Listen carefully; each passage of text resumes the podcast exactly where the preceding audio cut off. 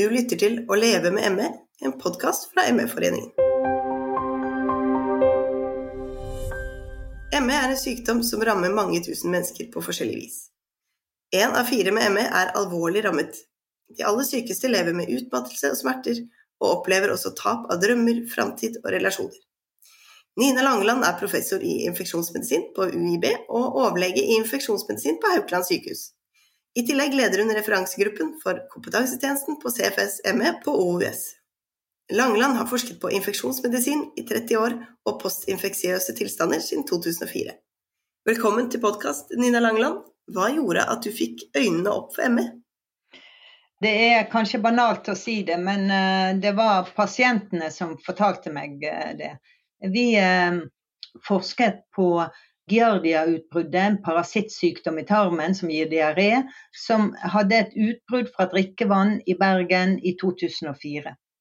Eh, og da når vi forsket på dette, så eh, var det slik at vi prøvde å følge opp pasientene, for vi lurte på om de som ikke ble kvitt symptomene sine, eh, faktisk hadde kronisk infeksjon. Eh, så vi eh, undersøkte de eh, bokstavelig talt forlengs og baklengs, og lette etter vedvarende infeksjon til tross for at de hadde fått behandling. Så mens vi spurte og spurte, så var det pasientene faktisk som sa til oss du spør og spør om diaré og om magesmerter, men det som plager meg, er at jeg er så sliten, jeg klarer ikke å gå på jobb, jeg kommer ikke meg på studiet, det er det som er problemet mitt. Sånn eh, begynte jeg å interessere meg eh, for dette. Kan du ikke ta oss med litt tilbake i tid? Hva var Giardia-utbruddet? Ja, Det var et uh, utbrudd av infeksjon via drikkevannet. Og uh, Det som vi fant ut den gangen, var at det var deler av drikkevannet i Bergen, drikkevannsforsyningen, som uh, hadde pasienter som hadde symptomer. Og eh, da dette eh, ble kjent i avisene at vi hadde funnet denne parasitten, så ble jo folk veldig oppmerksom på det. Og da meldte jo eh, hundre og tusenvis seg til fastlegene sine for undersøkelse om de også hadde parasitt i, i avføringen. Så slik begynte det. Og etter hvert så var det altså pasientene igjen som fortalte oss at uh, ja, men jeg er så trøtt, jeg er så sliten, jeg uh, kommer meg ikke til å verken trene eller gjøre andre ting som jeg alltid gjorde før. Mellom 1000 og 1500 med positiv test, men antageligvis var det langt flere som var syke. Det var bare de som hadde tatt prøve, og den var positiv. Men, men, mange, mange tok jo aldri noen test, de bare levde med det. Men fortell oss eh, mer hva postinfeksiøse tilstander? Ja, vi vet jo, og vi som er infeksjonsmedisinere vet det jo veldig godt, men eh, mange fastleger også vil vite dette, at noen infeksjoner det har vært særlig kjent ved virusinfeksjoner, mononukleose eller kyssesyke, liksom klassikeren der vi vet at mange har plager i månedsvis etter infeksjonen, blir ikke bra. Og så varierer det litt hvordan det går deretter. Noen føler ikke at de blir bra noen gang, og noen kommer seg gradvis.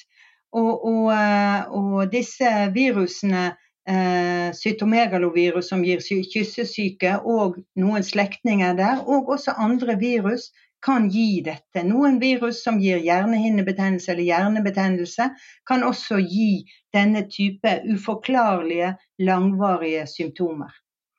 Det vi tror, men ikke er sikre på, det er at for mange så er man kvitt viruset, så det er ikke virus i seg selv.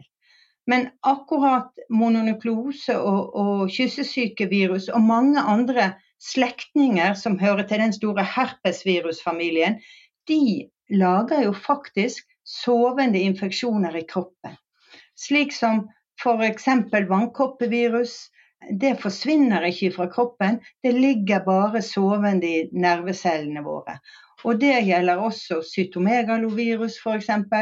Eh, ja, den akutte infeksjonen og denne kyssesykelignende eh, sykdommen forsvinner, og så sovner viruset hen, eh, men det forsvinner ikke. Mens andre infeksjoner som også har litt lignende symptomer, eh, influensa kan forresten gi den type komplikasjoner. Ikke like vanlig, men det kan gi. Og der er det ingen grunn til å tro at virus blir værende i kroppen. Men immunforsvaret nå prøver jeg å forklare det enkelt. Immunforsvaret vårt forstår ikke at infeksjonen er borte, og er liksom er i alarmmodus eh, uten grunn, må vi vel kunne si. Litt som immunforsvaret også er i, i alarmmodus ved noen sånn, såkalte autoimmune sykdommer. Eh, de kan også gi litt lignende symptomer. Jeg mener ikke at dette er to sider av samme sak. Jeg bare forklarer at hvis immunforsvaret vårt ikke forstår at det skal gå og legge seg og sove igjen, så, så eh, føles det ut som vi har en infeksjon i kroppen. Mm. Kunne du sagt litt om hvordan pasientenes tilstand utviklet seg i tiden etter utbruddet? Hva var det dere fant ut da? Ja, Etter at pasientene fortalte oss hva som feilte de og hva problemer de hadde, så, eh, så eh, spurte vi de jo igjen da, etter to år. Da tenkte vi nå har det gått lang tid, nå eh, er dere sikkert friske igjen. Det som var så rart med akkurat dette utbruddet, er at mens andre infeksjoner kan gi det en sjelden gang, kanskje 10% kanskje 5% av de som får en infeksjon, får symptomer. Men her var det faktisk nesten halvparten. Det var over 40% som hadde symptomer som de følte som begrensende på eh, livet sitt etter to år. Så fikk vi jo selvsagt kritikk for at vi ikke hadde noen kontrollgruppe. Og så eh, trakk vi fra folkeregisteret, like gamle Alt var det samme fra den generelle befolkningen. Eh, og, og, da eh, finner vi ut at nei, nei, blant folk flest på samme alder, samme kjønn, samme alt, så eh, er det eh, kanskje 10% som har eh, en eller annen fatigue-lidelse. Den kan ha mange årsaker. Eller eh, kanskje er det bare noe som forekommer i befolkningen av og til, men, men her var det nesten 45% så, så det betyr at eh, man kan tenke seg at en sjelden genetisk lidelse kan gi eh, fatigue.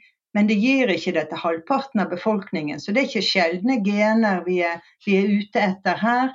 Det er noe som faktisk kan skrus på eller av, alt etter hvordan du ser det, hos en veldig stor andel av befolkningen. Det var litt skremmende å, å, å finne ut av.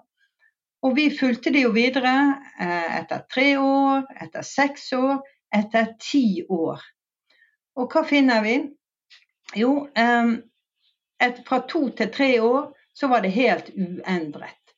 Eh, og vi så også etter, etter sånn eh, irritabelt tarmsyndrom, som også eh, rammet mange av disse. Ikke så rart etter en eh, tarminfeksjon for øvrig. Og etter eh, seks år Det var like mange som følte på fatigue. Kanskje ikke like mange som skåret på det aller verste stadiet, men, men, det var veldig liten eh, reduksjon. Det var faktisk først etter ti år, og ti år er lang tid i en 25-årings liv. Eh, det faktisk har nærmer seg en, en, en 50% økning i levetid. Først da så vi en reduksjon ned til en fjerdedel.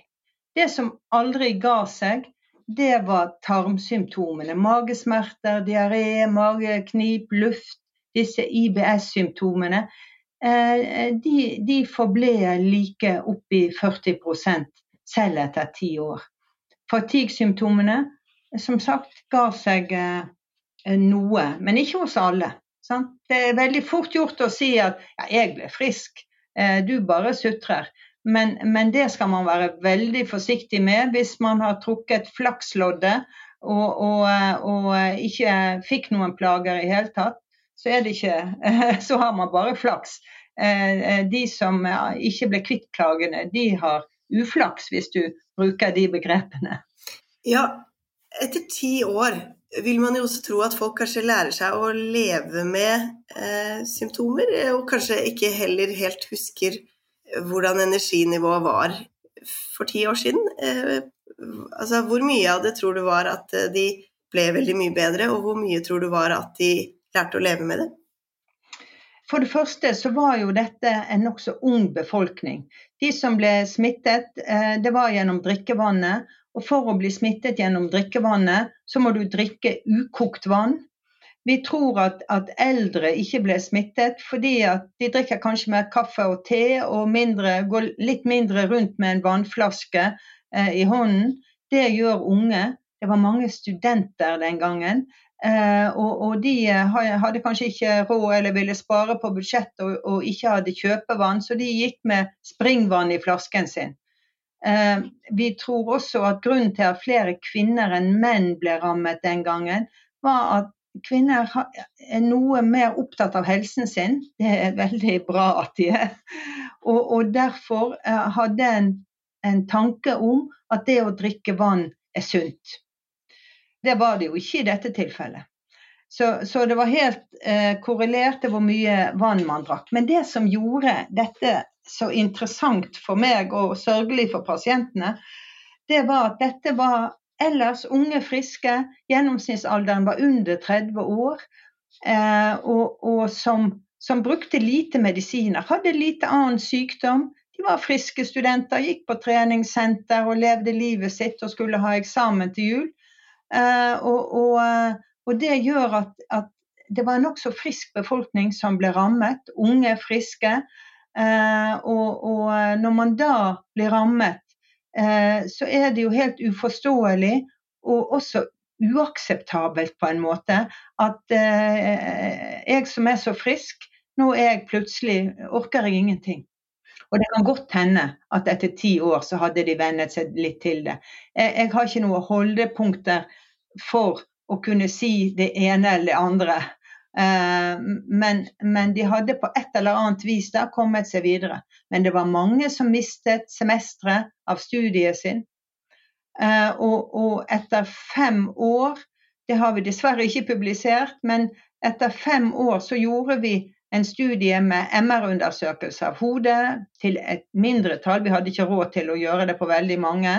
Eh, og da viser det seg at den hukommelsen som du kan teste, var dårligere hos de som hadde symptomer enn de som ikke hadde det. De, de hadde litt dårligere kapasitet til å, å, å, regne seg nedover i tallrekker og, og den type ting. Eh, så det var noe også helt objektivt etter fem år. Litt grann funn på immunresponsene fant vi også, men eh, det kan godt hende vi ikke hadde rette redskapene sånn forskningsmessig og i laboratoriet til å kunne forstå dette fullt og helt.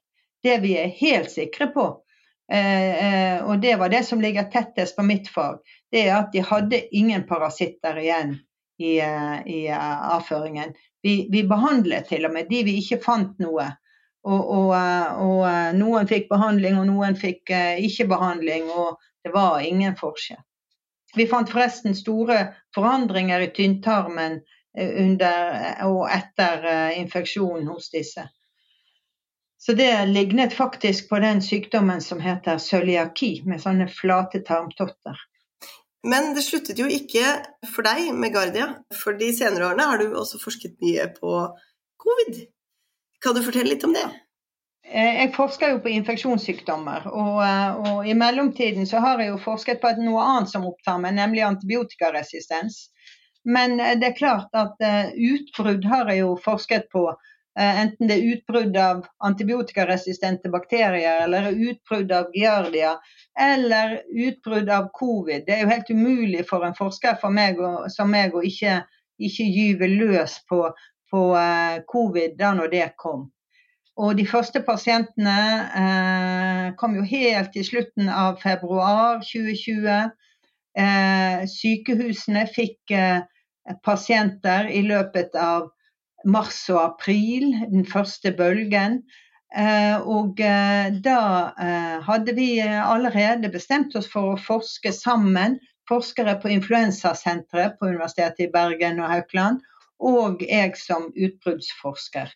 Men så skulle det lages et sånt såkalt pandemiregister i april, der alle som ble sykehusinnlagt i Norge, skulle inn i dette registeret. Så mitt innspill da, når dette skulle etableres, nasjonalt register over alle i Norge med, med covid-sykdom, så spilte jeg inn at man etter eh, tre måneder og tolv måneder skulle spørre etter symptomer på fatigue, eh, på hukommelse og på andre symptomer som jeg kjente igjen fra postinfeksiøse sykdommer tidligere. Eh, så slik begynte det.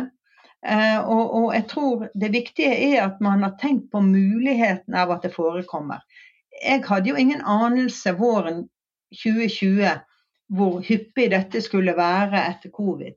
Tenk litt på influensa, kanskje 10% får litt symptomer, kanskje 15 Det blir jo faktisk eh, vanligere enn det. Og da er det veldig bra at man har tenkt på det på forhånd, sånn at man kan spørre pasientene. Uh, og det som uh, mange har funnet, og, som vi også har funnet, er at de som har vært innlagt på sykehus, pasienter som har vært intensivbehandlet, som har vært på respirator, som har hatt oksygensvikt, mange har plager i lang, lang tid etterpå, uansett om det er en infeksjon eller ikke som gjorde at man lå på den respiratoren. Det vi fant ut, og som uh, det ble mye oppmerksomhet rundt i media og andre steder, det var at selv de med mild sykdom hadde klare og tydelige plager etter et halvt år. Og nå hadde vi jo erfaringen fra 2004 og Giardia som gjorde at vi visste hvilke verktøy vi måtte ta i bruk for å registrere hvor mange som, som hadde plager. Og, og, sånn begynte det. Og, og nå, siden har vi jo fulgt opp disse pasientene både med kontrollgrupper og ser på sammenhenger med andre eh, parametere som vi har kunnet måle. Bl.a. så har vi funnet ut at eh, det er en klar sammenheng mellom de som har høyest antistoffnivåer når det når platået etter en infeksjon etter et par måneder. Eh, de som har høyest antistoffer, har i stor grad også mest plager etter et halvt år og ett år osv. Så det er sammenhenger der. Men det er klart, covid har mange andre symptomer som, som ikke vi kjente igjen fra, fra Giardia-forskningen. Der var det mye mageplager, ikke sant? kronisk diaré og magesmerter. Nå var det tung pust. Det er et veldig gjennomgående symptom.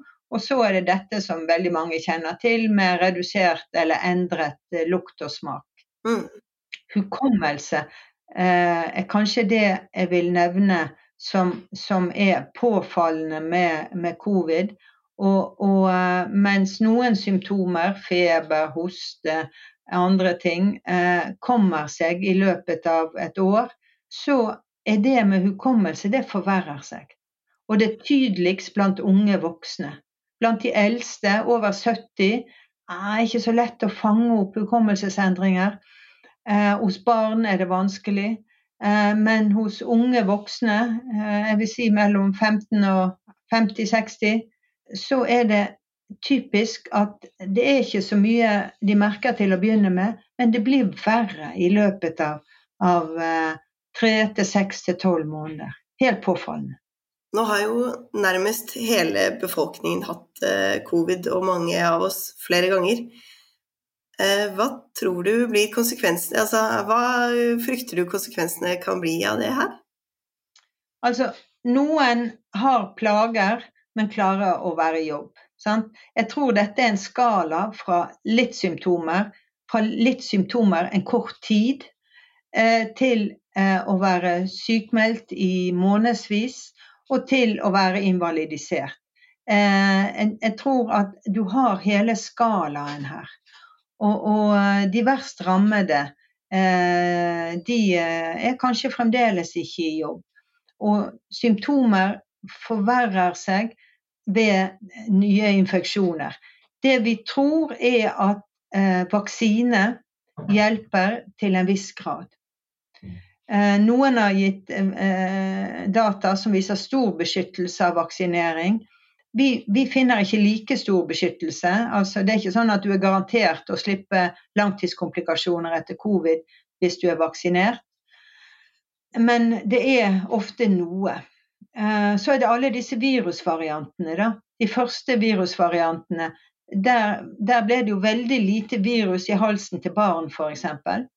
Mens eh, deltavirus og omikronvirus, der er det mye, mye mer virus i hals og, og kropp, også hos barn. Eh, så det vi holder på å se på nå, det er ja, vil yngre ungdommer også få symptomer da? De første studiene vi gjorde, så fant vi nesten ikke symptomer hos de på 15 år eller yngre. Vi fulgte de et halvt og ett år. Men det vi holder på med nå, det er å se på ja, med delta omikron, får de lengrevarende symptomer da? Og barn er jo i mindre grad beskyttet av vaksiner også, så eh, det er en, eh, barn under 16 år så er ikke det så mange som er vaksinert i Norge. Så hvis det er en beskyttelse der, så, så mister de den. Det er, der, eh, det er vel der kunnskapen står nå. Mm. Over tid, hvordan tror du dette vil utvikle seg hos de som har f.eks. Noen kognitive utfordringer nå? Vi må jo håpe på at det kommer seg, eller at de klarer å leve med det. Det som vi har snakket om og diskutert oss imellom, er de som mest er avhengig av, av hukommelsen og konsentrasjonsevnen. Det er jo selvsagt skoleelever og studenter, men også folk som f.eks. nettopp har begynt i jobb, hvis ikke du husker navnene på dag ti til kollegene rundt deg, og, og eh, liksom, du klarer ikke å få opp navnet, det er veldig dumt. Og også en del eh, eh mer sånn akademiske eh, yrker der du er avhengig av konsentrasjonen din, vil få problemer en tid framover. Vi har blitt kontaktet av eh, Eh, F.eks. advokatfullmektiger jobber dag og natt og, og, må ha mange saker klart for seg. Eh, det er nå bare ett eksempel. Eh, lærere, forskere kan slite. Leger, for den del, kan slite fordi at man er totalt avhengig av å ha konsentrasjonen på topp hele tiden. Men, men helt sikkert mange yrker som jeg ikke tenker på mens andre kanskje er noe mindre avhengig av dette. Det kan også være litt av grunnen til at hos pensjonister og gamle så, så får vi mye mindre utslag på disse symptomene med hukommelse og konsentrasjon. Men det kan jo også hende at med årene er man ikke like avhengig av å være helt alert hele tiden. Um, så, så, det er ikke så godt å si. Men eldre har også dårligere immunsvar. Ikke sant? Så, så, det med at høye antistoffer Ja, gamle får ikke like høye antistoffer, så det kan være helt reelt. Så jeg skal kanskje ikke mistenkeliggjøre gamle som ikke legger merke til om hukommelsen svikter, for, for uh, de har jo også mindre reservekapasitet. Så unge har jo tross alt uh, Hjernen har en fabelaktig reservekapasitet som vi kan benytte når vi har behov for det. Så det er jo blant de tingene som, som kan gjøre at, at, unge, selv om de har fått en eller annen form for permanent skade, så kan de aktivere reservekapasiteten i hjernen. Nå er ikke jeg noen nevrolog, så nå er jeg på en måte litt på, på tynn is her. Men, men uh, disse tingene kan ha eh, betydning. Og Studier fra Storbritannia f.eks. har jo vist at i eldre aldersgrupper så ble det en økt forekomst av begynnende demens hos de som hadde hatt covid-smitte. Litt uh, spooky det her. Uh, man kan bli litt uh, skremt av det. Men som sagt, mange blir bedre, og mange klarer å komme seg tilbake i jobb. Men jeg vil bare si at det er ikke latskap hos de som ikke kommer seg tilbake i jobb, at ikke de gjør det. Jeg tror vi er nødt til å, å holde på det at, eh, at vi er, de som blir helt friske igjen, de trakk vinnerloddet. Og, eh, og, de som ikke kommer seg i jobb igjen, eller kanskje bare kommer seg i 20-50 jobb igjen, det er ikke fordi de er late, det er fordi at de ble rammet på en uheldig måte. Du som har eh, jobbet med ulike sånne utbrudd over mange år, er det sånn at du ser en, en endring fra f.eks. Giardia-utbruddet til nå covid, av hvordan de som sliter med ettervirkninger, blir møtt? Ja, jeg, jeg tror at, at, Og det er fordelen med et utbrudd. Når veldig mange blir rammet omtrent samtidig, så eh, er det lettere å oppdage. Ja, vi oppdaget det raskt og var blant de første som publiserte på det. Men, men eh, mange andre også. Og det ble jo veldig raskt pasientorganisasjoner og, og, grupper som forsøkte å påvirke at man forsket mer på disse tingene. Som, som har gjort at ja, eh, verden ble oppmerksom på det. Og jeg tror det er jo også aksept nå for at dette er eh, en reell lidelse. Eh, jeg, jeg, opplever ikke at eh, Ja, kanskje noen sier at eh, jo mer man snakker om det, jo flere føler på det. I det store og det hele så, så tenker mange at dette er en reell lidelse. At man kan være uenig om hvor stor forekomsten faktisk er, ja, det, det er helt opplagt. Men, og det er vel ingen som har to streker under svaret på hvor, hvor hyppig forekommer dette faktisk. Og, og vi vet jo heller ikke svaret på hvor hyppig er det etter den ene covid-varianten og den andre covid-varianten. Og disse tingene vi lurer på om, om yngre barn kan få symptomer når man har varianter med mye større virusmengde i halsen, så eh, er det jo mange ting vi ikke vet svaret på. Tusen takk til deg, Nina Langland, for en tankevekkende og interessant prat. Mitt navn er Margrethe Gustavsen, og du lytter til Å leve med ME, en podkast fra ME-foreningen.